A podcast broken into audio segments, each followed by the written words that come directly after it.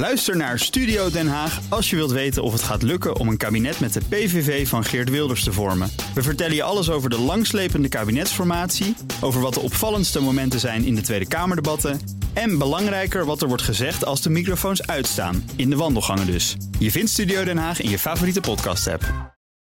De column van Bernard Hammelburg. Evenals de misleidende term zinloos geweld suggereert dat er ook zoiets bestaat als zinvol geweld, doet de term schone oorlog vermoeden dat die zich zou onderscheiden van een vuile oorlog. In een schone oorlog wordt uitsluitend geschoten op militaire doelen. Dat kan een kazerne vol soldaten zijn, maar op flatgebouwen of ziekenhuizen schieten is een terroristische daad en dus een vuile oorlog.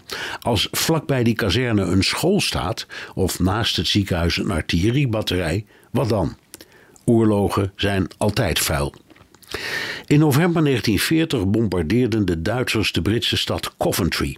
Naar verluid wist Churchill dat al uren van tevoren, maar gelaste geen evacuatie omdat de Duitsers dan zouden begrijpen dat de Britten hun communicatie hadden onderschept. Als dat waar is, beging Churchill dan een oorlogsmisdrijf. In februari 1945, toen Nazi-Duitsland feitelijk al had verloren, gooiden de Britten en Amerikanen Dresden plat.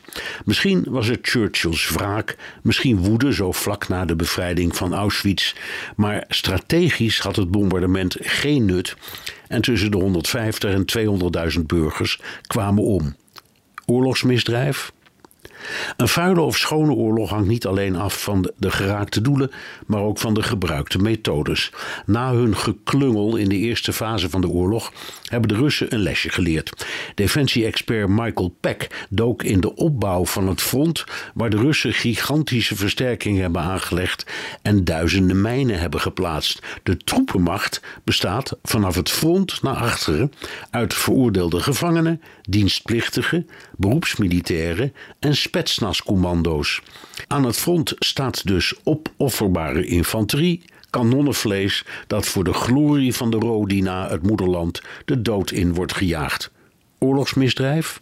Eric Miller van de Amerikaanse denktank Rand onthult in de Moscow Times de schaduwzijde van de Oekraïnse inzet. Sinds 2014 vechten milities uit Tsjetsjenië, Rusland en Belarus mee, niet omdat ze warme gevoelens koesteren voor team Zelensky, maar om hun eigen ambities te verwezenlijken.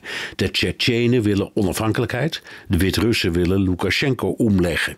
Net als aan het begin van de oorlog de extreemrechtse Azov-brigade meevocht, vechten er nu eenheden mee van het neonazistische Russische en etnisch Russische vrijwilligerskorps dat een staatsgreep in het Kremlin wil. Allemaal mannen die zogezegd staan te popelen om oorlogsmisdrijven te plegen. De dood van onschuldige burgers is het gruwelijke refrein van elk oorlogsrelaas.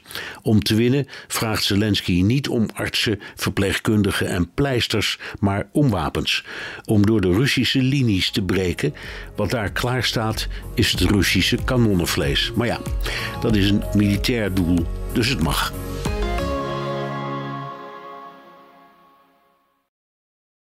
Ook Thomas van Zeil vind je in de BNR-app. Je kunt live naar mij luisteren in Zaken doen. De BNR-app met breaking news, het laatste zakelijke nieuws en je vindt er alle BNR-podcasts. Bijvoorbeeld Het Nieuwe Geld. Download nu de gratis BNR-app en blijf scherp.